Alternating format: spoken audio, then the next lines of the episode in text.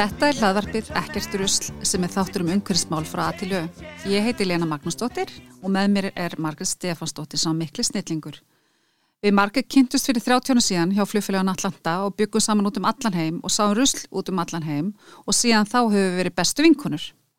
Hún er ekki alveg svo umhverfisvænast alltaf en er að læra og við viljum báðar læra meira. Emitt, uh, eh, mér langar til dæmis að vita hvað er þetta ringgrásar hagkerfi. Mér langar að skilja það betur því rusl er í raun ekkert rusl. Allt virðist endurvinnanlegt. Og ég er ekkert svo sem kölluð einhver umhverfisvendar sinni út í bæ en ég er að læra og eins og þú segir ekki sísta af þér, Lena vinkona mín. Því þú byrjar um tvítugt að kenna mér að hætta að taka póka í vestlunum sem var nett óþólandi vegna þess að við vorum jú út um allan heim flugfreyjur að vestlasöldið. En Lena, þú varst langt á undan þinni samtíð.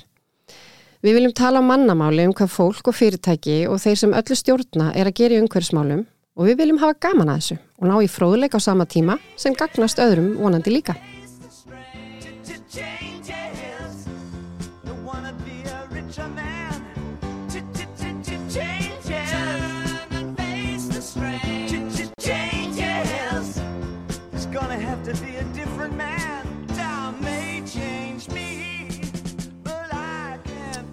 Sæl og bless Margri Sæl vinkona. Hvað segir þið gott? Ég segi gott, nú er mjög langt síðan að við tókum upp síðasta þátt en Já.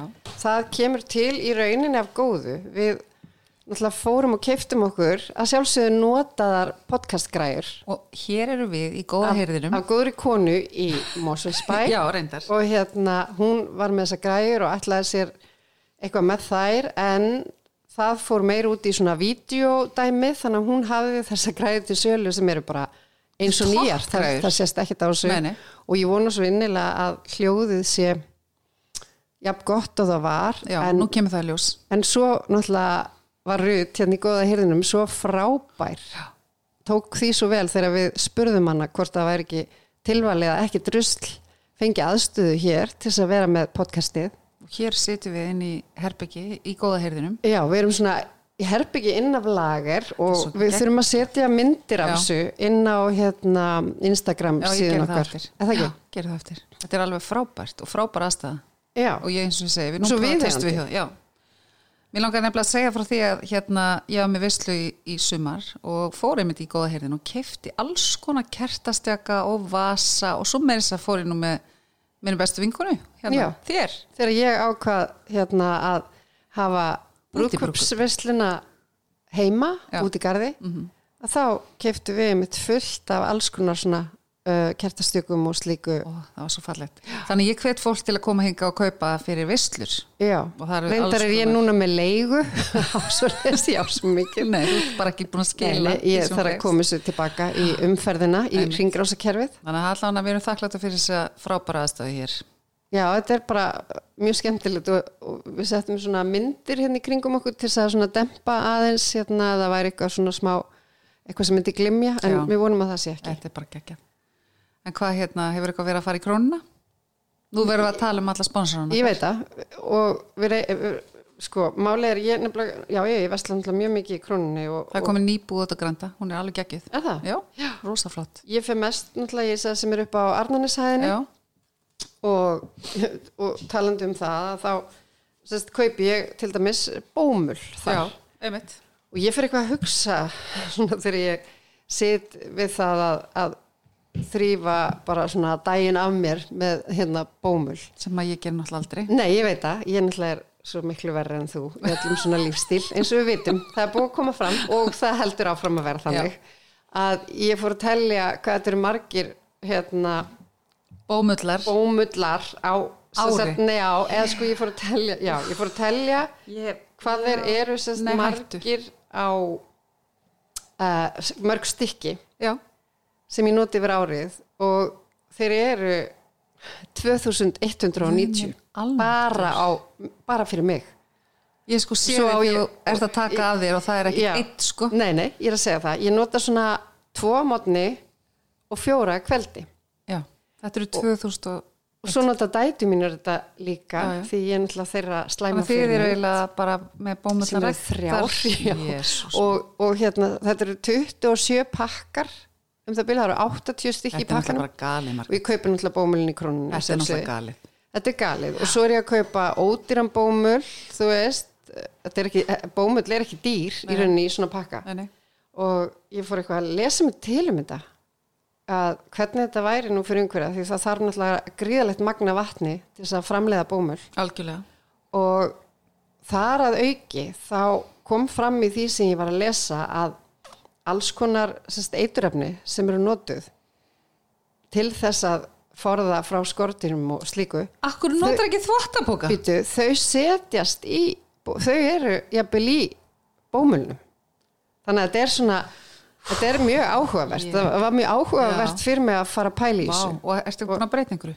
ég var að gera þetta bara þú veist í gerkvöld Já, eða ok, fyrirkvöld ég skil. Góði hlutir gerast Þannig að hægt. þú ætlar að fara að nota þvottaboka bara. Þannig að ég þarf að fara að nota þvóttaboka sem að svo þvæ ég þvóttaboki einu í öllu vatninu. Nei, nei, það var maður alveg komin í rugglið sko en þetta er svona eitthvað sem að Já, maður verður hugsa. Mamma nefnilega, ég ætla að segja mamma grút, hún kendi mér nefnilega þegar ég var yngri, þá vorum við alltaf að spara. Þá tók hún alltaf bómul í tvenn. Já, já, ég hef alveg, alveg séð Þá þetta líka bara að vera með þúsund ári. ekki 2190 Nei, og kannski bara um það bil svona 13 pakka Já, hugsaðir. Það munar. Ég- en, þú getur allan að byrja á því að taka hann í tvenn. Já, þetta er góð hugmynd. Takk.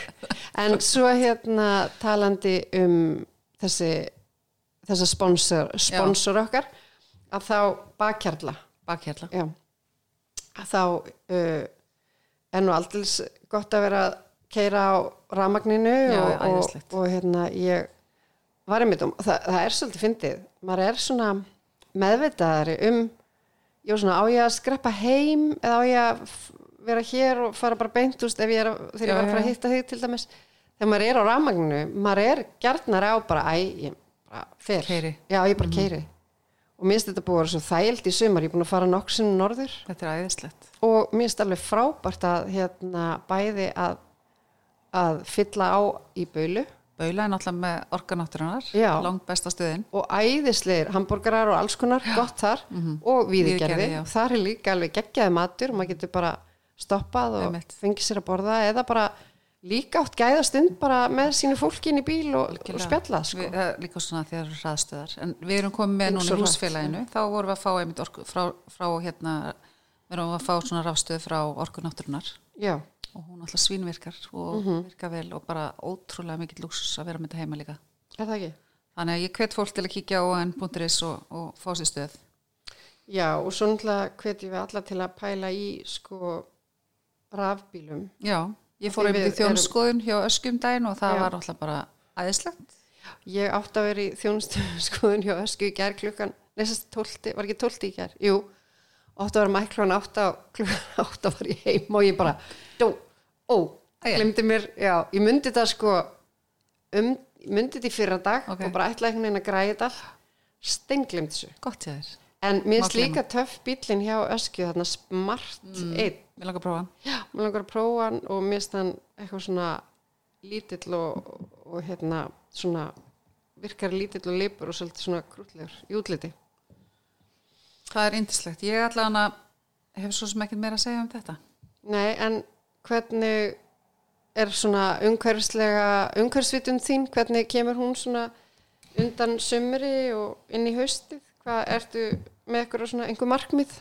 Uh, já, ég er náttúrulega alltaf bara með að, og ég er að hugsa um að fara í átaki aftur á næsta ári að kaupa ekkert nýtt. Mér finnst það bara, ég er búin að vera dáldi að kaupa eitthvað svona dót og er að kaupa reyndar, ég ætla að klára að kaupa jólugjöfnir í oktober. Mm. Ekki hvað er svo- En ég held ekkert að, þú veist, ég- þú sagði að jólagjafir væru að Uppleganir. Já, nú er ég og hætt við þú það. sagði bara já, þú sagði ekki fyrir mig jólagjafir bara væru ekkert að fara að vera Þetta er, með þetta er, þetta er bassistíma, sagði ég, orðið. orður rétt þannig að nú er þú aldrei- bara, bara svona eitthvað, eitthvað svona lítið og krútlegt bara, þú veist, fyrir einhver börn, einhver sænguveru og eitthvað. Ég bara er kaupsjúk bómul, eftir, eftir saman. ertu að gefa bönnum Já, bó, bómul bómul. sem sagt Nei, nei, ég er nú bara svona rétt að eitthvað aðeins að- og svo bara fá það upplifanir með í leikus eða eitthvað. Þannig að takk fyrir það. Þannig að umhverfisveitin er sérst minni. minni var, minni en hún var. en kannski er það líka því við erum búin að vera alveg rosalega lélegar að taka upp þætti Já, en svona. náttúrulega því við vorum í, þessum breytingum þurftum aðeins svona aðlagst í Já, við þurftum það. Þannig vonandi verður þetta bara allt í græjum og og við, nú fara þættin að hrinja út frá okkur. Ég er mjög spennt. En fyrsti viðmældur okkar er mjög skemmtileg maður og, og hérna, ég hlakka til að heyra hvað hann er að segja. Hann ætlar að tala um matvæli og eiturefni í hérna matvælum og ýmislegt svona Já. fræðandi. Já, og alls konar svona sem snýr að líka bara framleyslu matvæla og hvernig þetta í rauninni að mér finnst mér, jafnvægi er náttúrulega það sem Já. við þurfum sko, en mér finnst einhvern veginn allt fallum sjálft sig Já, ég vil bara fá leiðbynningu hvað ég á að borða. Já, og hann, hann hérna var skýr í máli sinni Já, hann var það. Þannig að við hlustum á hann. Já. Changes. Don't wanna be a richer man. To to to to changes. Turn and face the strain. To to changes. He's gonna have to be a different man. Við erum allavega komin í nýtt stúdíó í góðahyrðunum og erum þakklátt fyrir það og, og hérna og fyrsti viðmælindur okkar í þessu flotta stúdíu er Þórallur Ingi Haldursson sem er prófessor við matvæla og næringafræði deild í Háskóli Íslands. Velkomin. Takk ég fyrir. Og hvað segir þú gott í dag? Ég segi bara allt gott. Það er ekki. Þú verður að færa þig nær. Verð ég að vera með það? Hann er bleið, við fundum svo geggjaðan stól fyrir Þórat Ok. og hann er svo þægild að sitja í honum að hann bara hallar sér Ó, á ég það. veit það. Þannig að þú verður að vera og nær. mátti alls ekki sopna í þessu Nei, nei, nei, nei. Við erum að reyna að hafa stjórn á þessu. Já, Þannig að við erum með þig hér í dag sem gestin okkar af því að hvað var það margir sem er fast svona áhugavert Já, sem að heyrðir? ég náttúrulega uh, var nú aðeins að vinna svona í kringum þennan mann og fannst hann svona alltaf svolítið svona skemmtilega óhlýðin og svo er hann hérna, hann er að segja hlutin á mannamáli Já. og það er mjög gaman, ég hef heyrt hann oft hérna komið við til og svona en það sem að vakti aðtekli mína var viðtal um daginn þar sem að hérna Þórallur, þú varst að segja að ný líð, líðheilsuviðmið í mataræði væru núna í fyrsta sinn sett fram með tilliti til umhverfstáttarins. Já, eða sem sagt grunnur að komandi ráleggingum með mataræði sem verða að setja hérna á næsta ári. Já, Svo vinna fór fram meðal sérfræðinga á öllum Norrlöndunum og þar var núna í fyrsta skipti svona var verulega mikil áhersla á umhverfismál þegar þær rálegginga voru að setja fram. já. Og er það þá sko af því að við erum að ganga á móður jörð í, þú veist, vorum við að því í fyrri viðmiðum eða þú veist, af hverju núna? Já, bara sko, við höfum verið að ganga á móður jörð bara í öllu sem við gerum meira og minna og með sko aukinni fólksfjölgun þá bara verður álægi meira. Svona í kringu 1990 var mikið talað bara einhverjum um kannski bíla og olju, svo fór flugið að dettin, nú er maturinn komin inn en í raun og veru skiptir allt máli sem við gerum og, e, og maturinn skiptir gríðalega miklu máli við tökum bara samingi milli sko, heldar losun gróðrúsaloftegunda af öllu flugi í heiminum er í kringum held ég 2% meðan að landbúna framleysla í heiminum eh, losar í kringum 20-30%. Einmitt. En á móti kemur það þurfa allir að borða, þau eru ekki allir að fljúa, en sem sagt þannig að það sem við getum sparað eða bætt þegar kemur að landbúna framleyslu er gríðalegt. Við höfum einmitt verið með hérna eins og Rakel Garðas í Vitali út af matasóun og þannig að það er náttúrulega eitt af þeir sem skiptir á gríðulega miklu, miklu máli að vera að henda einu þriðja að nota við mat í heiminum þá er það náttúrulega gríðarlega tölur. Já. þannig að hvernig er verið að díla við það í þessum, uh, í þessum málum, málaflokki sem þú ert að vinna í? Við erum ekki mikið að vinna í matasóun en það, það eru aðrir í því og jú, við hefur endar verið að vinna í því þegar kemur að, að, að, að, matvalögur ekki og öðru að skoða reglur varðandi hvort það sé hægt að slaka á eða gera hlutu öðruvísi hvort þetta reglurna þurfa að vera jafn strángar nú sjáu þið að þið geti keft maturinn sem er sem sagt, eftir síðasta söludag út af því að það er ekki tættulegt á, Nei, nei. á ákveðnu bili og það minkar matasóun og kannski sko Það er kannski ekki hættulegt en það er ógislegt. Nei, alls ekki Nei, alls ekki, langt, langt frá því, langt frá því. ég er, ég er bad cup í þessu hérna. Nei, þannig að hvað segja meinar jú, ég þarf, stundum þarf maður að segja að því, nei, hérna þa- þannig í rauninni við, núna má mega framlegendur þá ganga lengra í því en þeir Já, sko, ég þekki ekki alveg út frá hvaða reglugerð sem sagt síðasti söludagur er settur en ef að vara er geimt við kjör aðstöður eða góðar aðstöður eins og hún er í flestum búðum þá myndi maður halda að síðasti söludagur sé ekki síðasti neysludagur það, Já. já. Klálega. Já. Svo voru Og- búðnar, já, fyrirgjöf. Svo sem sagt og hvers vegna ætti þá að taka sem sagt, sko, af hverju má þá ekki neytandi njóta góðs af því að kaupa vöru sem að er eftir gamla, þannig síðasta söludag en er ekki fyrir síðasta neysludag ef að varan er geimt almennilega. Þá kannski ódýrar. Já, það er, það er gert þannig, já. Já. En svo ef að við förum heim til okkar og geymum vöru frammi við síðasta söludag á einhvern asnalegan hátt, þá getur maður spurt sjálf. Þú veist, þannig að þetta Já, er bara ákvörðun sem að neytundi geta tekið og ekkert að því. Einmitt. En það náttúrulega fannst hérna, á, á, ég vona þetta svo er betra í búðunum, en þeir voru að henda mat, mjölkuvöru sem að voru kannski þrítaðar í sö- síðasta söludag. Já. Þannig að við vonum að þetta sé allavega En sko við erum líka búin að vera í alast upp við að matur er tiltölulega ódýr Mhm. þó að, þú veist, fólkdrar manns hafa alveg matarkostnaðinu þegar á táningur þá er mat, hefur matur verið bæði hann er niðugreitur, við ekki niðugreiðu mat og hann hefur verið tiltölulega ódýr Mhm. við höfum vilja fá hann rosalega ódýran og þegar eitthvað er ódýrt nú þá leiðum maður sér í að henda því. Mhm. en maður, sko, þegar ekki aðrir faktor að koma ekki inn eins og umhverfisáhrif hana Mhm. og þess vegna er þessi 30% matasóun fólk bara leifi sér að henda mat dæmi langar ekki þetta lengur að þetta er farið. Einmitt. og þannig, og það tímabil í svona Íslandsögun er ekkit rosalega langt því að sko, fyrir einhverjum áratugum síðan þá var það síðasta sem að fólki datt í hug var að henda. Og það er ekkert hræðilegt þó að fólk velti fyrir sér aftur hvort eigi að henda mat. En við erum búin að lifa á svona luxustímum Já, pappi náttúrulega, hann sko tekur við skipt og skíkur dagstundur og hann bara, já, þetta er tvær vikur. Þá bara smakkar hann og þú veist, ég vil á allt í lægi, skiljið. Þannig að þetta er bara, þetta er náttúrulega kynnslóð sem að, en svo erum við með kynnslóðinu núna sem er að taka við, sem er mikið hugsandi. Og ég veit eins og til dæmis varandi matasóna, þá náttúrulega er komin eins og frískápar, ískápar út um allan bæ, þar sem fólk getur fengið fría mat. Og þar er verið að setja eins og brauð og kó og fleiri fyrirtækir að setja inn matvæli í, í þessa ískápa og fólk gengur svo í það. Og þetta er komið sérst á mörgum ekki stöðum í bænum sko. það er bara brauðið er ekki 100% eins fest eins og það var í gær. Nei, það það, það er þeir að koma með bara kvöldin sko, Já, eftir að já. bök, böku þetta þannig að það er ekkit að þessu. En þetta fór í ruslið. Þannig að það er náttúrulega rosaleg mun En, en er sóunin ekki líka rosaleg í framlegslu ferlinu? Það er svona mismunandi, neða ég held að það fyrir eftir hvað það er, menn reyna nú, sko, hrá, allt hráefni er dýrt, þannig séð fyrir framleiðandan, hann að hann hlýtur að reyna að nýta alveg, minna kjötfass er ekkit annað en nýting á einhverjum svona kjöti sem þú myndir ekki kaupa öðru sem eru búið að blanda saman við kveiti og eitthvað. ég elska kjötfars sko Þannig að- þannig að- hver elskar talandi pappa við fórum að fá maður En kvöld ég held að kjötfars neysluminstri hjá okkur hefur verið að kaupa meirinu en við þurfum og henda því, og þannig að sko, matasóun snýst ekki bara um þennan síðasta söluta, hann snýst Nei. líka um hvað ert að kaupin og hvernig ætlar að nýta það smá átt. Einmitt. Og þá er matvaran líka alltaf í topp standi fersklega séð að þú eldar þannig. Einmitt. Já, En þú ætlaði að spyrja hann út já. í... ég ætlaði að spyrja hann út í styrkin Já, þá fyrst nefnilega styrk 2017 sem ég langaði þess að forveitnast um hvað hefði verið Já, það er sem sagt við hérna, kollega mínir, við matvaran nærgafræði deild fengum styrk úr hérna og markáætlun sem að Rannís er með varðandi sagt verkefni sem að heiti sjálfbært heilsusamlegt mataræði uh, og fengum ykkur að tæpa 140 miljónir í það sem er þannig að þetta er frekar stór styrkur það sem að markmiði var annars vegar að kortleggja kólefnisfótspór mataræðis Íslendinga eins og hún byrtist í landskonun á mataræði núna 2019-2021 ef hún gerði eitthvað á því típili og til þess að meta svona við og neytanda gagvart því að borða sjálfbært og breyta lífstíl sínum, hvernig svona efnaðaslega áhrif á því hvað þar væru fyrir þeir að borða á sjálfbærar hátt og svo erum við líka að greina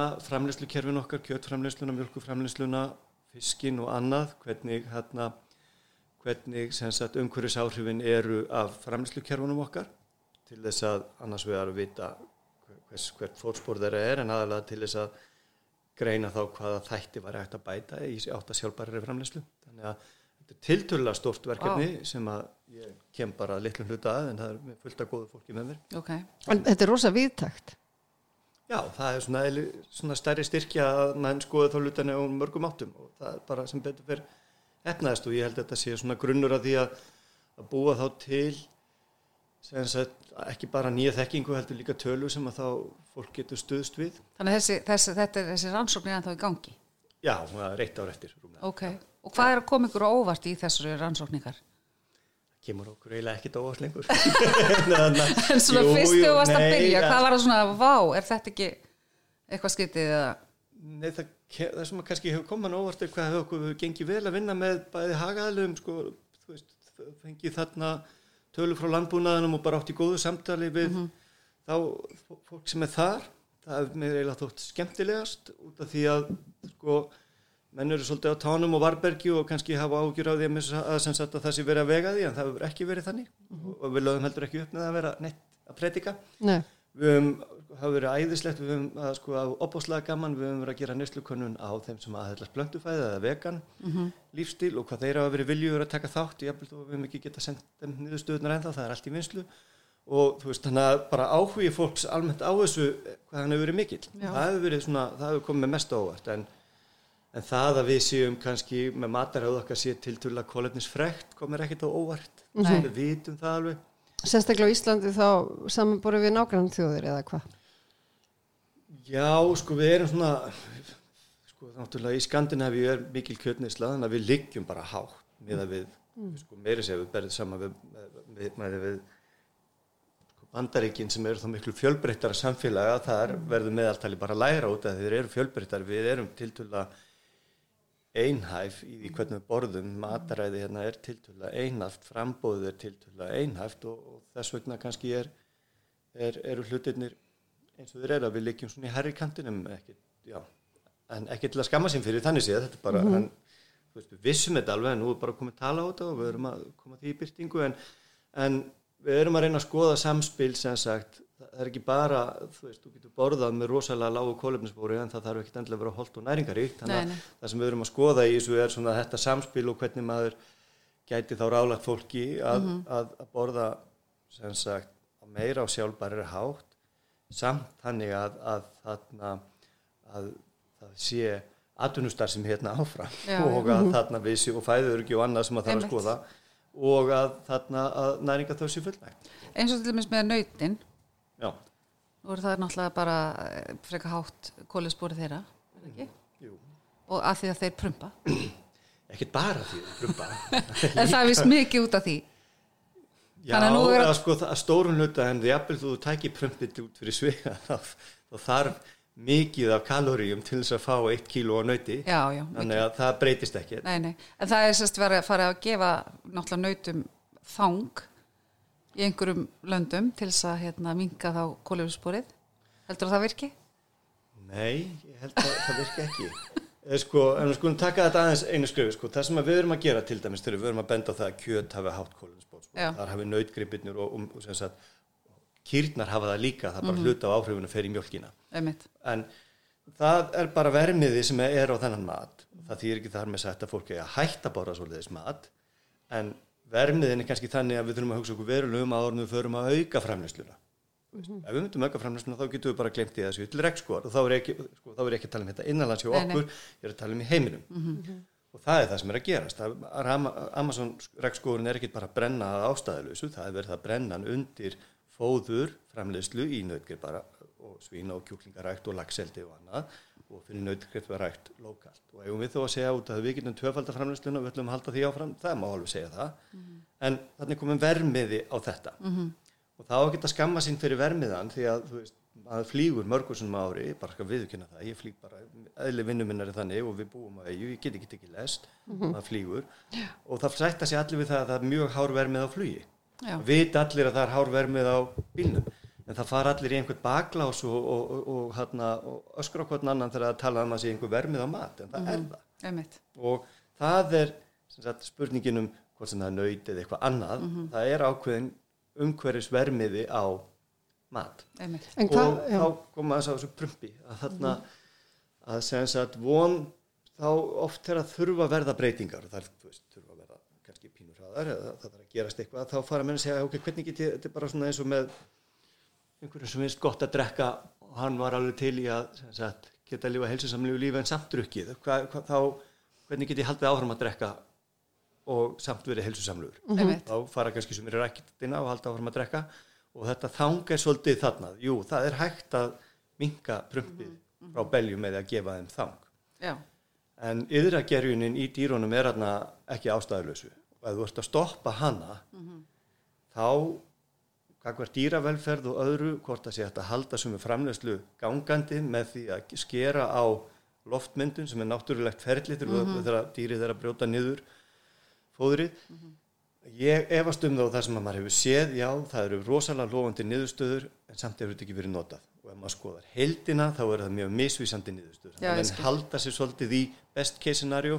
Ég er ekki að segja þetta verði ekki að veruleika en ég nei. myndi ekki trúa á þetta. En þetta er svona grænþvotturinn kannski við að halda áfram þá í svona mikill í er kannski vonin í að geta haldið náttúrulega sínu en Já, gert hlutina betur. En, og. Mhm. það, og það er öruglega hægt að gera það einhverju leiti en, en tölur um sko 50% minni losun eða eitthvað, það, ég held að það sé alveg- Ótrúverðugt. Já.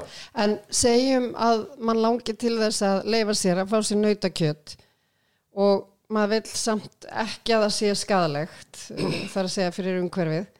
Hvað, hver eru viðmiðin í þessu fyrir bara manneskjur eins og Góð spurning. Eru saminuð þjóðandi búin að gefa eitthvað út? Nei, saminuð þjóðnar er nú ekki búin að gefa neitt úr. Sko, viðmiðin eru samkvæmt allþjóða, samkvæmt, minna, ég held að allþjóða helbærismálastofnun hafi gefið það út að, að neysla á rauðu kjöti umfram 350 grömm hafi ekki góð áhrif að helsu. Það er bara... á sko, hvað löngum tíma 350 gram Á á, viku. Já, já, já. Á, mista þetta Við- rosalega mikið nautakjöt sko. Já, býtu, en við erum kjöt, að borða við erum að borða eitthvað í kringum 450-500 grömm 450 grömm að meðaltali á viku. Það eru margir yfir þá Ó. þessum 350 grömmum. Já, Og þannig erum við bara að tala um helsu, við erum ekki að tala um hvað má maður leifa sér út á umhverfinu. nei, skil. Og ég veit að... Þetta er raukt og- kjöt og- sem ert já, að tala um hér. Og ég veit að og, það- er undir því. Já, Kanski akkurat. finnst framleiðendu það ekki góða fréttir og finnst það órótækt, en það er bara helsu og ekkert umhverfið. Þannig að við ráðlegjum fólk í dag að vera ekki að fara yfir 350 grömm og það gera það enginn. Mhm. Ávinningurum við að gera það, að fara þarna upp í þessu sem er þá hámarkið, 350 grömm, er bæði ávinningu fyrir umhverfu og helsuna. Við ráðleggjum voða mikið út af helsu, við viljum að fólk borði meira plönturíku fæði, ekki sko, áður fyrir út af helsu, en nú vitum við bara að það er gott fyrir umhverfu líka. Þannig að ég myndi varast að, að, fólk sko, segi ég ætla ekki að borða þetta út af því að þetta hefur hátt kólutinspótspor. Mm -hmm. sko, við, við verðum áfram að lifa og við getum ekki umturnað öllu einum degi, við þurfum að, að, að breyta landbúnaðunum þannig að fólk geti nýtt landið og það verði ekki einhver, einhver umturnun og það þarf ekki að vera Nei, nei. en, en ég held að sko, flestir geti borðað heilsusamleira og umkunnisvætna á þess að gera neina dramatíska breytingar ekki, já, þannig að það er svona Ég sá einmitt hérna að það var læknir að tala um að hún vill fara að vera bara með græminsmat á spítalunum og mér varst það frábær hugmynd að því ég, pappi fór einhvern tímann á spítala og hann fekk sér satt einmitt kjötfarsbólur þegar hann var að jafna sig eftir aðgerð -hmm. Og það er kannski ekki alveg það sem er mest græðandi fyrir magan á þín tíma þegar hann var inni. En, það er svona ímislega sem að þú veist, ef er að pæla í og hugsa um og En hérna umræðin fer alltaf í sko á maður að henda öllu og gera eitthvað allt annað Nei, eða þú veist og ég held að sko þú veist, veist, maður fólk á ekki að fá samanskupið yfir að keira eða fljúa eða borða kjöt Nei, nei. en maður á að hugsa um magni sem maður að, maður er að gera. Já, og kannski njóta þess þá meira þegar maður leifir sér eitthvað sem manni finnst gott og langar í en svona sko við erum að reyna að vinda ofan af einhverju sem var bara óbóðsleg aukning í neyslu og ákveðnum maturum sem að þarna okkur fannst bara sjálfsagt Já. En hvað með eins og vegan og keto og allt þetta? Hvað, svona, hver er þín skoðun á þessu? Mér, f- sko, þetta voða erf, sko, þetta er voða viðkvæm umræða. Mér finnst, mér finnst sko, frábært að fólk hafi hugsjón og, og ákveði að fylgja einhverjum lífstíl. Já. Og vegan finnst mér vera lífstíl og hugsjón en líka helsusamlegt mataræða mörgu leiti. Þegar þú tekur út alla dýrarafurur þá er ákveði næringar áhætta sem að ég held að flesti sem eru vegan bara yfirvinni mjög einfaldlega með næringagerjum og hugsa vel um það sem þeir eru að borða. Ég held að þeir sem aðhyllist sem og þeir sem eru vegan, þeir hugsa svolítið um hvað þeir eru að borða. Flestir gera það ekki, ef við myndum ráðlega öllum að vera vegan, þá held ég að við myndum sjá mikil vandamál, næringatengt því að fólk er ekkit allir Þú voru að gera þetta svolítið frá þí- þínum svona Fast prótein sjónamið. Þannig að út frá svona líðhelsu sjónamið og hvað við mælum með þá segjum við nei, okkur finnst mikilvægt að dýraafurðu séu þarna inni Já, já, einmitt. hóflögu magni.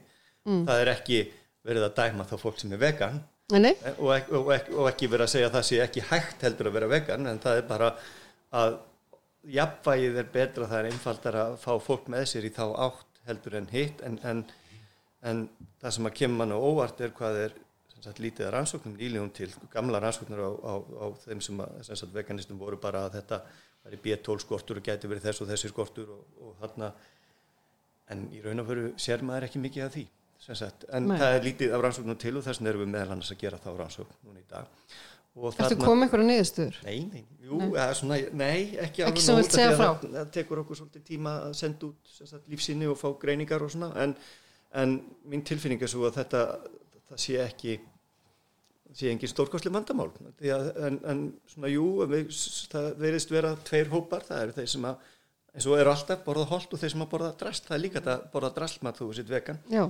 En mér finnst sko þróunin að fleira og fleira fólk aðhyllist að borða meira jurtafæði finnst mér bara jákvæð. Og, Hvað hérna, hefði þið ykkar eh, rannsóknum, þú veist, nú hef ég lesið um þetta að, að við sem að borða 5 grumma plast í viku. Er þetta bara staðrind? Já, ég veit ekki, ég, ég hef ekki alveg kynnt mér það. Nei, ég bara, alveg- þetta hefur komið svo oft upp, sko, við sem að borða heilt kredikort á viku. Já, Nei, ég myndi nú svona taka því varlega sko. Ok. En, en þarna, ég myndi halda að þetta safnaði svona mikið til í lifur og svona ákveðnum líffærum sem við leggjum okkur ekki mikið til munns. -hmm. Nú veru sumir að mæla með því að fólk borði einhvers konar nautalifur og annað, ég myndi ekki leggja með það. Þarna, en á þess að vera að skjóta neitt, en, en, en mér finnst þess að á samanskapi, og við vorum að tala um vegan, þá við förum í hitt, þetta keto, já, þetta er frábær örgulega leið til þess að grennast og það getur verið gott að borða mikið á próteinum ef maður að byggja upp vöðamassa en þetta er rosalega kostnaðafreku lífstíl fyrir jörðina og, og til lengri tíma ekkit endilega heilsusamluður út af því að það, þetta er tiltölulega svona ójafnvægi í mataræðinu. Já, og sko það er eins og allir na, úr svona miðum aldrei vilji vera grænir en þeir eru og leggja mikið á sig og, og þetta, það er svolítið það fólk sem er að hoppa þetta og það er okay, ákveðin hér komið því en, en, en þetta er ekki eitthvað sem að maður myndi mæla með fyrir alla. Og við eigum helst ekki að vera að reyna að græna okkur alla að, en þetta er bara flott ef að fólk ákveður að líka taka þann lífstíl en það er kostnaðamið á honum sem er bara gríðarlega mikið hátt kolfnisfótspor, við getum það sagt bara ef að meðal Íslandingurinn samkvæmt okkar gögnum er að losa í kringum 5,5 kíló á dag þá eru þeir sem aðhyllast vegan lífstíl að losa kannski í kringum 2-2,3 kíló á dag. Meirinn hel mikið minna. Það er ávinningurinn af kolefnisíkildum meðan að það sá sem að er í miklu sem sagt mikilli próteineislu keto lífstíl mikið af rauðu kjöti getur verið að fara upp í 30 kíló þá er að, að borða á fyrir sex manns og, það, og það er allt í- og þess vegna er maður ekki að dæma það Nei, því að þú veist, svo þegar maður flýgur mjög oft þá er maður að losa á við marg, sko, miklu, þú veist, þannig að- en þannig ertu bara að koma með vermiðan þannig að Já. ketomanneskja sem er alltaf að Fljúga. ferðalagi Þetta er bara óumhversan. Það er svona heimi. Já, akkurat Ég þekki einn. Já, en, en þú veist, en Leifum kannski ekki við að þetta að þannig að þá ertu bara sexfalt yfir meðaltælinu. Það eru margir það líka í flugi og margir það í akstri líka. Mm. En svo er þetta kannski líka, þú veist, svona góða fólki og ekki góða fólki, þú veist, það, það, það er ekkert slæmt við það að vera á keto, en það er alltaf að vita vermiðan á því. Já, mitt. Þá getur mann gert eitthvað annað á mótið eða vilja það. Þannig að þetta er ekki svona, þú veist, allt sem við gerum hefur áhrif. Já. Já, við erum að segja eitthvað svona í fyrirsögn núna, hérna, Þóraldur hattar Þóraldur segir Nei. Nei, alls ekki. Nei, en, en það er svolítið merkilegt sko á, á tímum aukinar umhverfisvitundar að við fáum þá polariseringu í báðaráttir Já, já. Já, það er og það. það er polarisering og það eru sterkar skoðanir í báðum bókum, það er líka sterkar skoðanir á þeim sem er ekki í þessum báðum bókum Einmitt. en það er svolítið magnað að ég lasi í einhverju blaðagrein það er sko það sem að skri, það var að gardi hann voru að segja sko að, að stóra spurningi sem að allir var að spurja sig fæ ég nóg prótein? Og svo kom undirsetningin en gallin er bara að þeir sem er að spurja sig þessar spurningar er ekki, það er ekki rétta fólki, það er í Afríku sem að maður er að spurja sig fæ ég nóg prótein? Já, já, já. Ekki hérna á Nei. Íslandi. Og þar er engin ég meina að pæli svona nú ætla ég bara að lega mér að segja í svona ruggli þú veist, Svona það, megrunarkonu. nei, ég meina það er fólk náttúrulega bara að reyna að hafa í sig og á Akkurat. og við erum eitthvað svo mikið luxus hérna lið sem að getum svona leift okkur að fara eitthvað svona leiðir Algjörlega. En mér langar líka að spyrja þig nú af því þetta er náttúrulega matvælafræðin snýst um matarframleiðslu og þá er maður að velta fyrir sér umbúðum, Já, matarumbúðum og nú er maður hérna, alveg sveittur við að reyna að flokka allt þetta drast hlanna heima á sér og mér finnst einhvern veginn eldur sem mér, ég verð að fara að finna ykkur almenna lausn á þessu það er svo drastlarlegt heima Þú ert að- bara nýbyrja að flokka, ég Já, að já, ég, ég veit það, en að því að maður fer hérna kannski ekki alveg strax með þetta beint út í rusl þetta er á einhverjum, einhverjum svona Já, bunka já, þarna. og, já, og ég veit ekki einu sinni eins og ég var með kjúkling í fyrra dag og ég hugsaði að byrju má þetta kjúklingabref hérna já, og það, hvert á þetta að fara og þarf ég að skóla það og þarf ég að vaska það upp eða þetta er, þetta er flókið Já, ég held að þetta sé líka gert flókið hjá fyrir okkur. Ég, sko, víða erlendist, þá eru þessa plastumbúð bara teknar og brendar og nota það sem orkugjafi. Akkurat. Mm. Og bara alveg jafn góður orkugjafi eins og að flytja henn fljótandi olíu og kveiki henni. Þannig að þess vegna sem jafn góður eða slæmur eða bara, þetta er bara olíuvara. já, já, já, bara já, kemur á sama meði. já, Þannig að meðan við erum ekki orðin 100% sjálfbæri þá eru rauninni ákveðið ákveðið va- nýtingagild í því sem Já, þú já. hendir plastinu og það nota svo til að hitta með Einmitt. fjárvarma. já, Við erum ekki þar, við þurfum ekki á þess að halda. Nei, þess vegna látum við bara svíjan að gera þetta. Já, við flytjum, þú veist það er þá ekkert að því að flytja það út sem brennsluefni til Svíþjóðar því að þar nýtist það í staðan fyrir að þeir flytja í nólju Já, já, einmitt. en, En það verður þá að vera en- sagt bara. en endurvinnsla plasti kannski eru bara komið þangað. Við erum sko við erum ekki farin að haga framleyslunni þannig að endurvinnslan séu auðveld, við erum að nota margskonar tegundur Já, plasti, við erum að setja litarefni í það, það er alls konar og Plast er ekki bara plast, það er alls konar plast. Ég myndi að það myndi ekki skipta neinu, en nú er ég ekki sérfræðingur og ekki frá sorpu sko, hvort að eitthvað matalega rótni, já, það fer svo bara í burtu en þetta er eitthvað vantanlega myndi ég halda að flokku, þú veist, þeir sé ekki með græði til að þrýfa þetta sem að myndi þá kosta þá Já, já. og þetta sé tekið heima. Við, eigum að, við eigum að gera þetta. Sko, við vitum öll að við eigum ekki að setja snirtiförur í klósettið en það samt gert. Mm. veist, og fullt af fólki sem gerir það sem er bara frekar ógislegt og stíplar allt. Það sem sagt að fólk sé að henda mörgusum á dag plasti og ætlast til þess að það séu ekki matalefar á því, það, ég skil bara ekki hvernig það kerfi virkar. Ég held að bara virki ekki neitt og mun Nei. aldrei virka. Nema bara einstaka samvinsku samt fólk sem er samvinsku bytti í þetta einu og eina skipti sem að hendir einhverju. Það er eitthvað, þurfum eitthvað að laga þetta plastkerfi held ég. Já, en ég matalega saman framleiðendur hljóta að vera að velta þessu fyrir sér, hvernig þeir geti að þú sért ekki að fá skiluru gúrku í plasti svo eru þrjár gúrkur saman í öðru plasti og svo frammeðis, eða paprika hvað sem það er, þetta hlý, hlýtur að vera meðvitund uh, mun, mun meiri í dag en var ég veit ekki, ég held að sé alveg að taka eitthvað til í því Já. að nota minni umbúðir stundum í sumum En tilfellum svo eins og gúrkan, hún kannski skemmist fyrir ef hún er ekki í plasti. Þannig að þá ertu líka sóun. alveg, að er alveg, náttúrulega alveg. alveg- Mér finnst þessum að geta ekki unnið, hennan leik Já, reyndar- framlæslu stýring eða eitthvað en, en, en ég held sko, en stundum það verður að við ekki að stundum er þessu umbúður upp á matalögur ekki Já, já. góðar og það er eitthvað hættulegasta sem að fólk getur fengið er vond þarna matareitrun. Þannig að, er matareitrun þannig að svona, það er einhver balans að það er örglætt að taka til í þessu. Algjörlega. Og ég veit til dæmis, ég hef farið að heimsækja sorpi það sem er verið að flokka. Og það er alveg saman, þú veist, það er alveg náttúrulega pappir og plast. Og svo eru til dæmis svo, svo tómatumbúðir, svo við tökum bara eitt dæmi hérna. Og það er pappi undir þeim og svo er plast yfir. Já. og það er lágu bara í einu hotninu af því þeir vissi ekkit alveg hvað það átt að gera við það. Nei, af því að þar ertu með tvennskunar sem að náttúrulega framleiðandinn á, á, á finnst mér vera búin að taka í gegn hjá sér. Já. en af því að þetta er bæði plast og pappir þá fer það hverki En núna, til er dæmis, myndum við, af því við erum komið með pappa og við erum komið með plast, þá bara er þetta okkar að taka í sundur og... Jú, jú, Já, svo er það það. Já. En þarna var þetta bara lág í einu hotninu Já, en það verður alltaf þannig náttúrulega með 400 manns á landinu að það verður einhverju sem að gera það ekki. Og það, verður, og, þú- og það er bara, þú getur bara gert eins vel eins og þú getur. Já.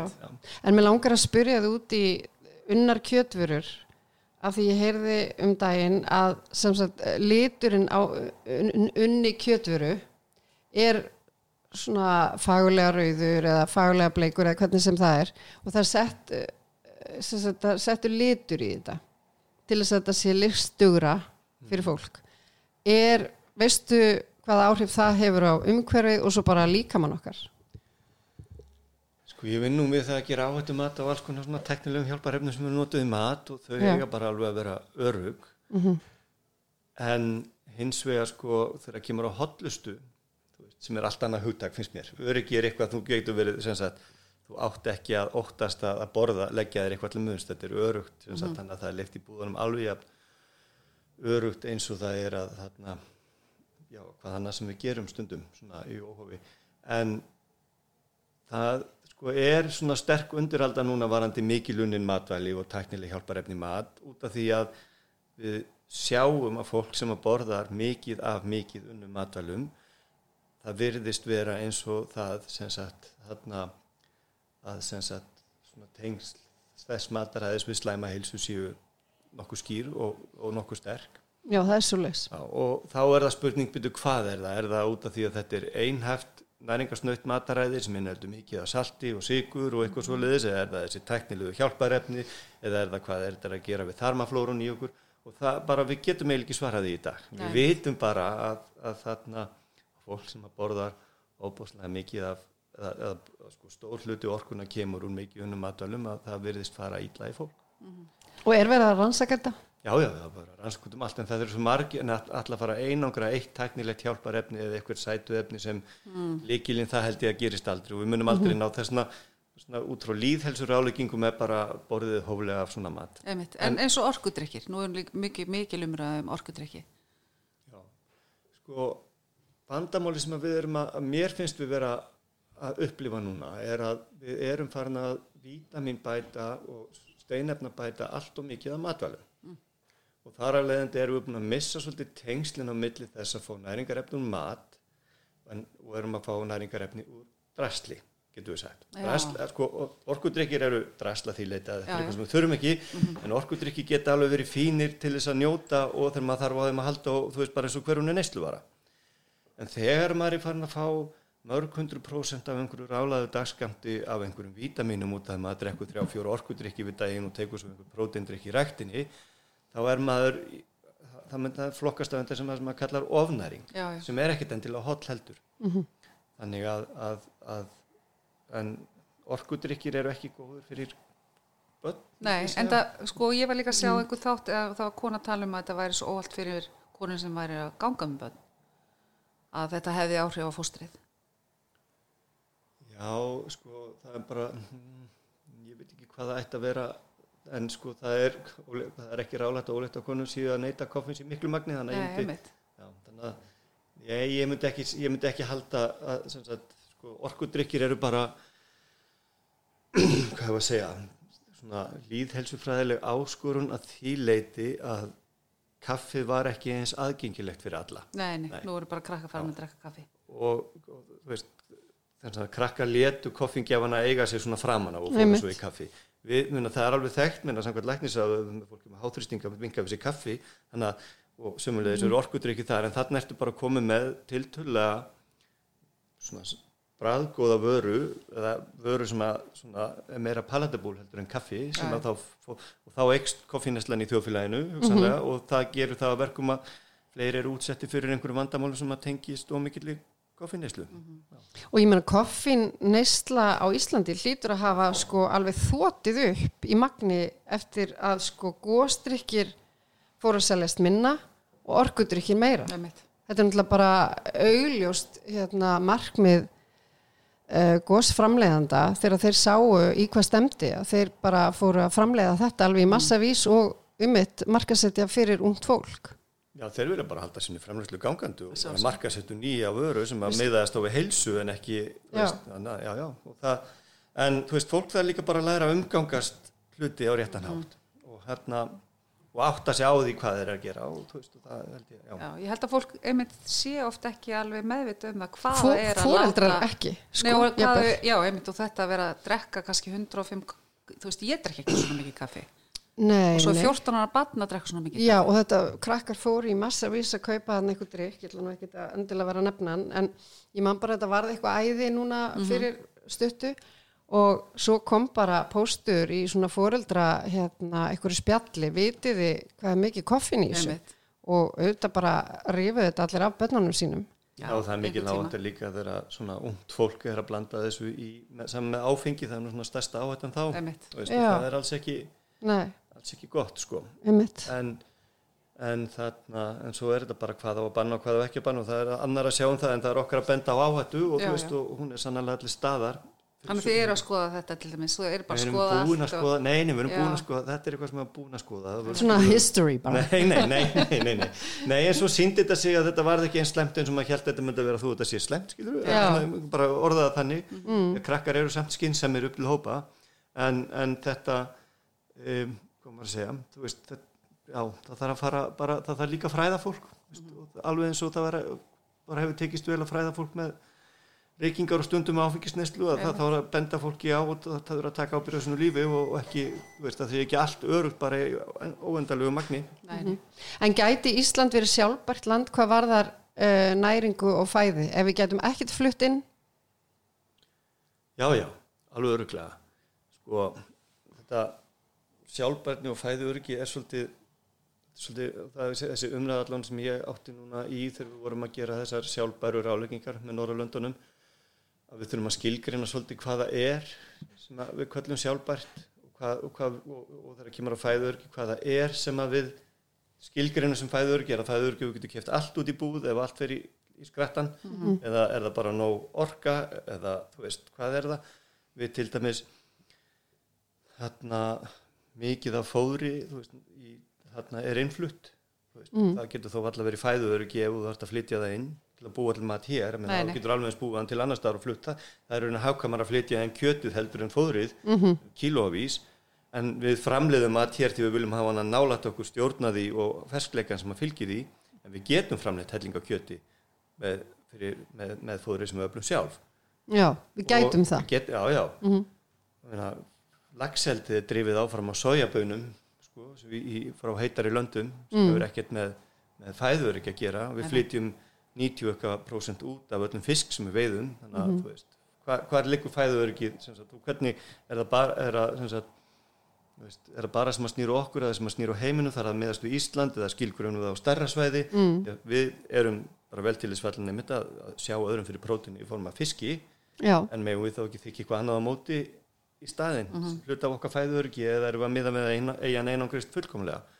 En það sem að svona, við getum orðið sjálfbærari með varðandi okkar landbúnaðarframleyslu og þá erum við að tala um þá lambónautakjöt og annað er að, að sagt hvernig við förum með með, þarna, með landið í formi jarvegsbindingar, hvernig við göngum um það, við göngum ekki mikið á það, jafnvel byggjum það upp rannsóknir á varandi meira sjálfbærið að lífrænum búskap og öðru, það er á, ég held að séu gríðarlega tækifæri þar já, sem að myndu vega töluvert upp raski sem að fylgir í umhverfisáhrifin sem að fylgja framleyslunni og, og þetta hefur ekkert verið mikið skoðað þannig að þegar umræðan er nú sko, þegar að, að hættum allir framleiðslu að stórkostlega minkum hana sem þurfum að minka hana eitthvað en möguleikarnir í betri landnýtingu sem að vegur upp áhrifin og að við séum meira þá sjálfbær á, á, á okkar framleiðslu og þá fóðuframleiðslu líka hluta skiptir tölvört miklu máli því að rosalega mikið af umhverfisáhrifunum okkar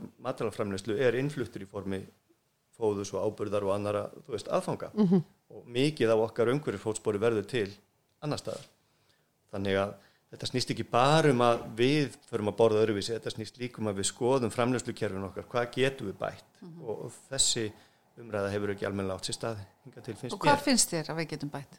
Við get, já, mér finnst þetta, ég held að með þú veist, sumir hafa bent á bara þú veist, losun á landi varandi svona óhólega beit og það var mjög viðkvæmt mál rosalega háar tölur og, og erfitt að metta en það er klárlega rosalega mikið hægt að gera varandi sem sagt kólefnisbindingu á landi En af hverju hefur þessi ekki umræða? og- Út af hún er viðkvæm og vegur sjálfsagt að einhverjum sem, og, og mm Mhm. veist, þýðir breytingar frá því sem að við erum að gera og þú veist, og fólk er Hrætt við- samt og vill ekki hrætt við breytingar. Mhm. hrætt við breytingar en, en, en það er kannski betra að, að huga að þeim breytingum heldur en að fá allt í einu breytingarnar yfir sig og stjórna þeim ekki því að ég held að, að þessi sagt, um loftslagsvá hún er bara, þetta virðist þetta er það stert að, að sem sagt að það verði krafa á breytingar alþjóðlega eftir, eftir ekkert langan tíma nei. Og þá fer það bara eftir því hvað er fólk búin að vinna heimavinnuna sína vel og undibúa sig og sjá hvað það getur gert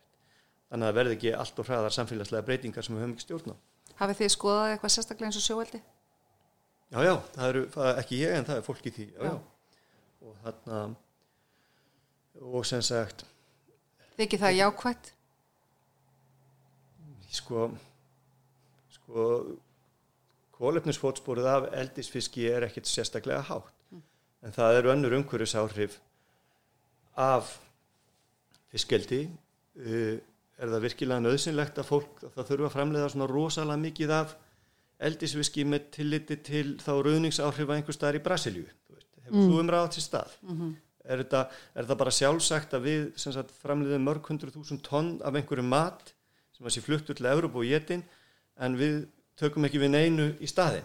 Þú veist, og ég, þetta- mér finnst þetta svona þessi umræða svolítið, mér finnst allt í lagi að fólk vita af því að þetta er ekkit algjörlega ókipis Nei, nei, Nei, þú veist ég holdt að borða fisk að byrju allir við þá að ef allir eiga að borða fisk tvisvallir þrísvar í viku eins og við, hvað þarf þetta þá að framleiða mikið fisk? Er það gott fyrir jörðina? Og sömu- og sömuleiti er þessi neikvæðu umhverfisáhrif verða oft til þegar ein matvara verður rosalega vinsæl já, sem að kannski fólk er ekki vant að borða. Tæk, tökum bara, tökum bara, þú veist, ávastarækt á spáni. Að minna, það leggur undan, það eru gríðarlega neikvæð umhverfisáhrif af landbúnaði á spáni, líka ólífurækt og annað því að það er bara mónokúltúr til þess að fullnæga þörf fólks einhver staðar norðar í Evrópu. Og er það jákvætt? Það er jákvætt fyrir efnahæðin á spáni, en það hefur gríðarlega neikvæðar áhrif á, á lífriki og náttúruna þar.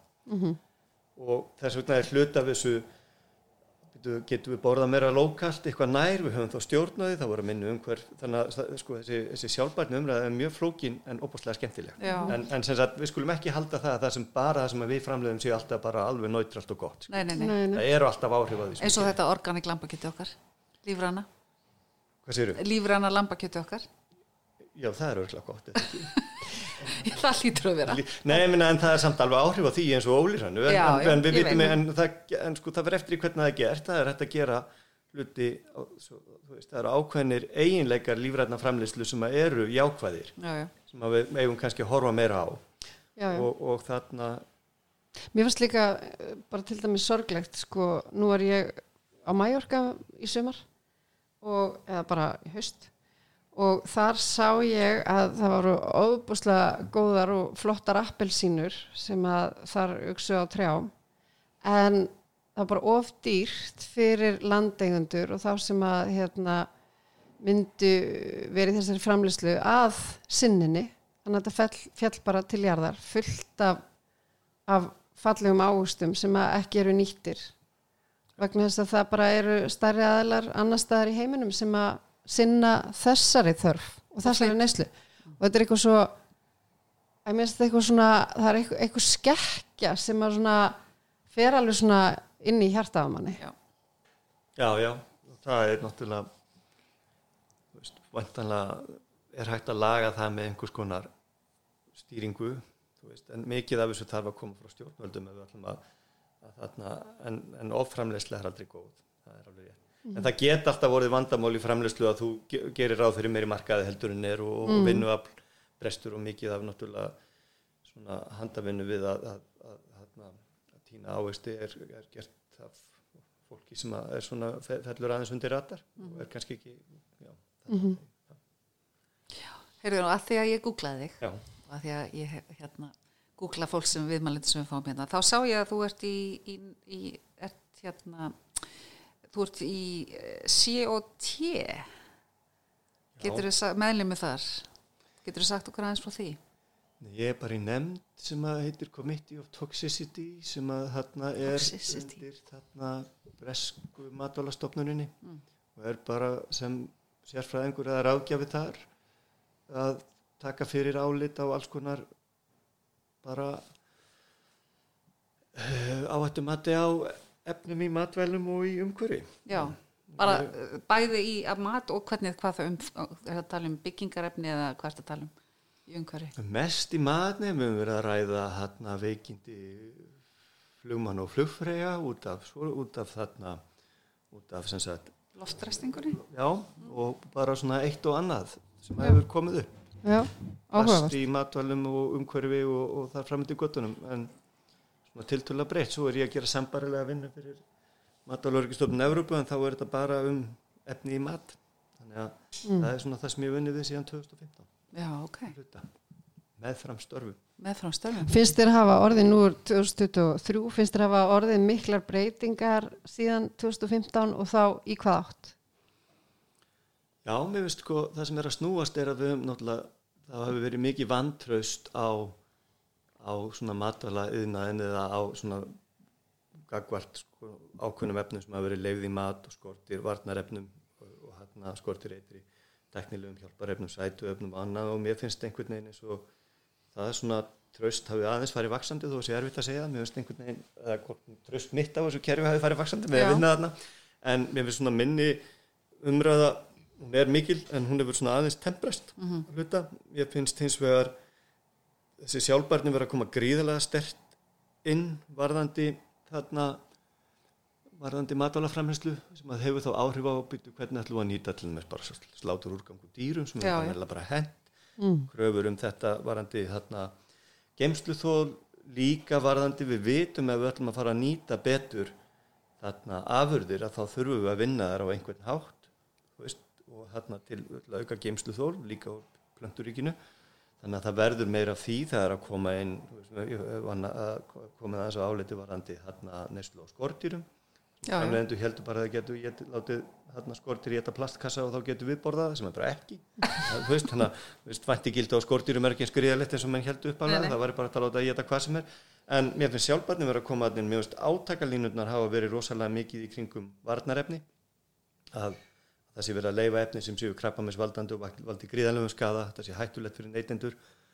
Ég held að neytendur er ekki að þurfa að hafa áhyggjur en mér finnst þessi umræða að vera að tengjast því að Nótkun á varnarefnum í landbúnaði er einkenni á mjög intensífum landbúnaði, óbáslega intensífum landbúnaði. Og það er ekkit annað hægt heldur en að sagt, við værum ekki með sömu matvælaframleyslu ef við notuðum ekki varnarefni og ef við viljum minka nótkun á varnarefnum þá verðum við að setja okkur við það að 50% af öllu nýtanlegu landi sem ferum til landbúnað er nota til þess að framleiða fóður fyrir dýr. Og einfaldasta leiðin til að minka nótkun á varnarefnum væri að minka en það talar enginn um það, það vilja allir bara fá eitthvað töfra varnarefni þannig að við getum framleitt alveg jafn mikið og það verði engin skadi og það sem að mér finnst við vera að sjá í umhverjunum er hrun í bara skortýraflóru bara, sést bara greinilega í Evrópu góða tölur um það er- eru vísbendingar um það að notkunin og, og krafturinn í landbúnaði er slíkur að það eirir eiginlega engur lengur þegar kemur að þessu sem er ákveða hættumerki líka til lengri tíma og það er meira verið að tala um þá heilsu jarðvegs og annað. Þó þetta fari ekkert hátt sko með svona í neytenda umræðinu Einmitt. þá er þetta annað einkennið á nákvæmlega því sem við byrjuðum að tala þáttunum. Þú getur sett kólefnisfótspor á kjöt en þú getur líka hort bara út frá ruðningsáhrifum á landi og, og, og nótkun á varnarefnum. Þetta er nákvæmlega sami hluturinn. Einmitt. og Þannig það að- hefur verið einmitt talað um eins og bíflugurnar þær eru náttúrulega bara það er ykkur hætta og það, er, það, er, það sé að minka og það sé náttúrulega ekki gott fyrir heiminn því að það er náttúrulega að flytja áisti og, og, og svona fræ og milli. Já, það er bara svona að þegar þú ert komin með svona mikið intensity í landbúna en þá veldur það bara skalugum áhrifum í kring. Og, þarna, og það hefur farið vestnandi því að það er meira og meira land nýtt.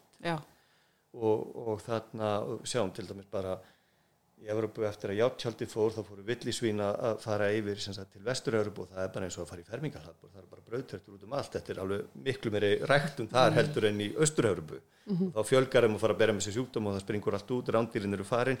Það er svona að þú sér því mis einkenni á svona ójabægis vistkerfum og kannski maður verið dæmdi fyrir að segja það en ég held að, að við mögum alveg hugsa líka við erum ekki þar hérna, það er ekki eins intensíft við höfum farið kannski illa með landið að mörgu öðru leiti þannig að hluta þessu er líka svolítið að horfa á landnýtingu og, og kólefnisbindingu á landi og fara betur með umhverfi heldur við gerum. Og það getur þá haft áhrif á það hvernig við borðum.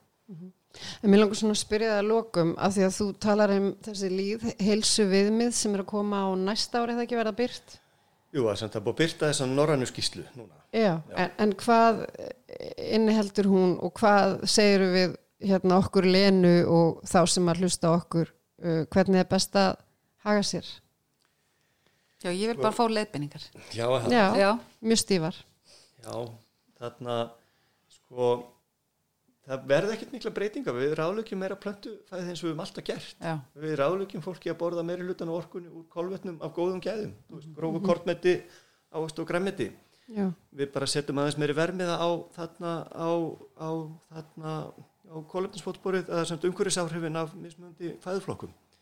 Og hvetjum fólk alveg til þess að borða með, líka úr nærumhverfinu velta fyrir sig hvað er þetta framlega hér. Þannig að þú veist út af því með það fóðurinn að utan.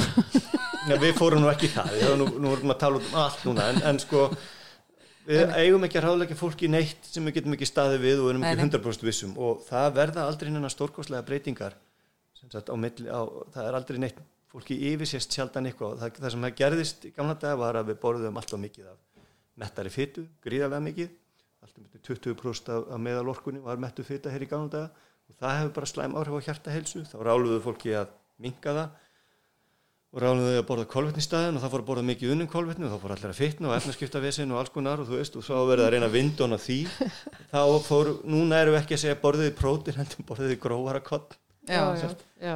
og þarna það er bara, það er, já, það er stendur þetta svolítið núna. Já, og, maður fekk svona mynd alltaf í skóla með fæðurhingnum og það þetta er diskinn? vantat aldrei þennan fæðurhing bara að ég fái hann bara í leiðsögn núna. það sem okkur vantar að gera og ég held að þurfa að gera, sem ég veit ekki hvort það verður gert núna, er það að við búum í miklu fjölbreyttara þjóðfélagi heldur en við gerum áður. Mm. og við þurfum að, að, að, setja sömu ráleggingar fyrir alla er kannski ekki alltaf skynsanlegasta lausnin, skilur mm -hmm. ef að fólk ákveður og vill aðhyllast að borða mikið jurtaföð eða vera alveg vegan þá held ég að sé skynsanlegt að koma með ráleggingar fyrir þann hóp Mm. sér og ég held að sé skynsanlegt að koma með ráleggingar fyrir hinn og jafnvel svona, já, til, segjum til þess bara ráleggingarna hafa verið eitt til tvö glösa mjólk á dag það er góð rálegging því að það er einfaldast að að fá mikið af vítaminum og steinefnum en svo ákveða sumir að drekka ekki mjólk. Og svo eru komið svo er fólk sem þólir ekki mjólk. Og sá hópu fer kannski stækkandi því að það kemur fólk annar staðar að sem að, sem að á kannski erfiðar með að þóla mjólk. Er þá skynsamlegt að við rálegjum öllum að drekka 1-2 skamta mjólk á dag 2020 og Bara alls þú veist, ekki. það er ekki þannig að við þurfum líka að laga okkur að hvernig þjóðfélagi breytist held ég. Já, En mér langar líka, uh, ég veit ég sagði að þetta væri svona að síðustu, en talandi um þetta, nú er til dæmis, ég var að horfa á þætti sem að hafa með þessi Blue Zones að gera og þetta er hérna á Netflix, þar sem að uh, fólk eldist mjög vel, það uh, Alzheimer er til, til að bara óþekkt á þessum svæðum og þetta bara er mjög við, sko, svæðin eru á nokkrum stöðum í heiminum og það er augljóst mál að þetta fólk er að borða sko mataræðið virðist vera alveg risastór þáttur í þessu en líka svona félagslegi þáttur og, og margt já, annað. Já, en maður er svona bara velta fyrir sér sko uh, nú er krabbamein er vel þekkt hér það er Alzheimer eða elliglöp og annað. Erum við á einhverjum villigötum sem við getum svona tvíka til með tiltölulega svona auðveldum hætti ef að við bara hugsum hér um 50, hvað get ég gert? Já sko mataræði hefur alveg bara klárlega rosalega mikil áhrif alveg eins og ef við drekkum að mikið og illa lengi þá eldust við hraður og verðum veik fyrr það er allavega líkur á því sem við leiðis með reykingar og Nú erum við ekki að tala um að Nei, drekka nei, nei, mjólk, nei, við erum að nei, tek- nei, nei, tala um nei, vín. ég er að segja sko, þú veist við þekkjum þetta Já. ef við borðum á mikið og fó óholl lengi. Þá þess, það sést bara alveg klárlega þá eldust við verð og það að eldast tíði líka þá að, að það verða einhvers konar lífstíð sjúkdómar og, og krab, minna, við sjáum að krabbamennstýni sum, krabbamennstýni fyrir upp og önnu niður, nú fá maður ekki magakrabba eins mikið eins og maður fengi gamla dag en það er þá komið aðra, sem sagt, það eru önnu krabbamenn sem eru að rjú- rjúka upp eða fara upp og það er ábygglega hluta til tengt mataræði. Alveg, já, það held ég að sé ekkit spurning um það. En þetta er eitthvað sem að tekur sko ár og ára tugi að ganga með en ef við sem sagt borðuðum meiri hófi og aðeins meiri jafnvægi þá held ég að, að þarna að svona heils okkar væri almennt betri. Og það, það, það fer ekkit á millimála en svo náttúrulega er- kemur hitt um að það líka hafa gaman í lífinu stundum. Vandin er að maður er alltaf að hafa gaman. Já, það er svolítið vandarsamt ef við erum alltaf að gaman. En aðhyllist þú svona föstur eða slikt eða, eða hérna, gefa líkamannum kvíld í 12, 14, 16 tíma Mér langar líka að vita, er eitthvað sem þú myndir aldrei borða? Heyrðu, þetta er nú Margar spurningar. það er svona spurningar, nei það er ekkert, ekkert sem ég myndi aldrei borða Nei, ok. Nei. svona sem að ég allavega já, að, já, þannig að það er ég hef svona prófað eitt og annað þegar það kemur að föstum og einhverju svo leys ég prófaði einhver tíma þegar ég var að kenna uh, þegar ég satt út að ég er kenninu næringafræði þá langaði mig til að prófa hvernig það væri að fara í ketos ástand Já, það ger ég aldrei aftur. Nei, Nei, mér finnst auðveldar að fasta já. En ég gera það nú ekkert alltaf. En jú, ég er miðaldra hvítu kallmaður sem er að þingjast þannig að ég hef svona stundum gripið í þetta upp á það að gera. En ekkert svona eitt sem ég trú á en, en ég held að þarna að hvort sem að það heitir að fasta hóflega eða borða bara jafn mikið og maður þarf eða hvernig sem maður tekur orkun út það, veist, það er ekkert að því. En nei, ég hef ekki aðhils neitt svona ennþá. Nei. Mér finnst eiginlega sko því að mat, já, kannski því að matur er ekki hættulegur, veist, og við, það er meira og meira um fólk sem hefur óheilbritt samband við mat. Já, veist, svona andlegi, þáttur um það. veist, þú veist, þú veist nýbakaði fóreldrar ekki borða þetta, það má ekki gera þetta alls ekki þetta, veist, það er einkenni ábyttu, svona auðvitað er maður þá þegar maður á lítil börn og vil hugsa vel um og gera vel við það, þá verður maður stressaður og það, maður tekur það út á mat og það er sjálfsagt á því tímabili en mér finnst sko þetta, alls ekki þetta og ekki borða þetta vera líka komið þegar fólk á ekki börn og ég er orðið eldra og er að hugsa um sjálft sig Einmitt. Mhm. og mér finnst það svolítið hættulegt, það, þú veist, það er ekki gott Já, Nei. að því að matur er ekki hættulegur. Nei, þannig er sérstaklega en maður borðar hann í hófi bara hvernig maður umgengst hann og ég man að Inga Þórsdóttir kollegiðin saði mitt eitthvað tíman uh, þegar hún var að ræða mitt þessa hluti í sko ef þú ferð og færð þér brauðsneið með ásti og smjöri veist, fá þér bara eina og sjá hvað hún gerir fyrir þig. Ekki tróði þig, þú veist, tveimur og Einmitt. maður verður líka bara svona kannski er þessi, þessi andli hluti er líka bara svona þessi núvitund og sitja svolítið með matnum sínum og sjá leifa líka mannum svona finna Það er- maður verði sattur Það er alltaf bara allt í gott í hófi. Jú, já, jú, jú, það, já, það, er, það er líka náttúrulega leðinlega í þessu sko, það er allt gott í hófi en það er líka, það er líka sem sagt þarna sko, mat, hollu matur þarf heldur ekki að vera dýr og hollu matur þarf heldur ekki að vera vondur Akkurat. Og meina, þú veist, eins og maður aldist upp eða að fá fisk í gamla daga sem mann fannst aldrei góður og upplifa það svo þegar allt í einu það komu eina ferðamenn og komu veitingahús sem fór að matreiða hvað er þetta að fá góðan fisk þá er þetta að líka svolítið að læra að borða og njóta þess Akkurat. þú veist, það þarf ekki að vera dýr. Nei. Látum þetta vera lokaðin. Takk kærlega fyrir komuna. Takk Changes.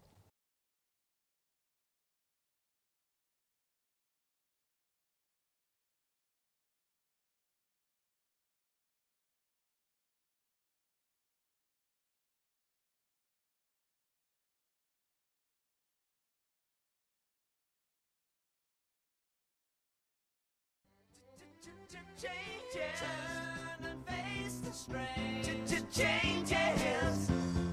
Wanna be a richer man. Changes. Turn and face the strain. Changes. It's gonna have to be a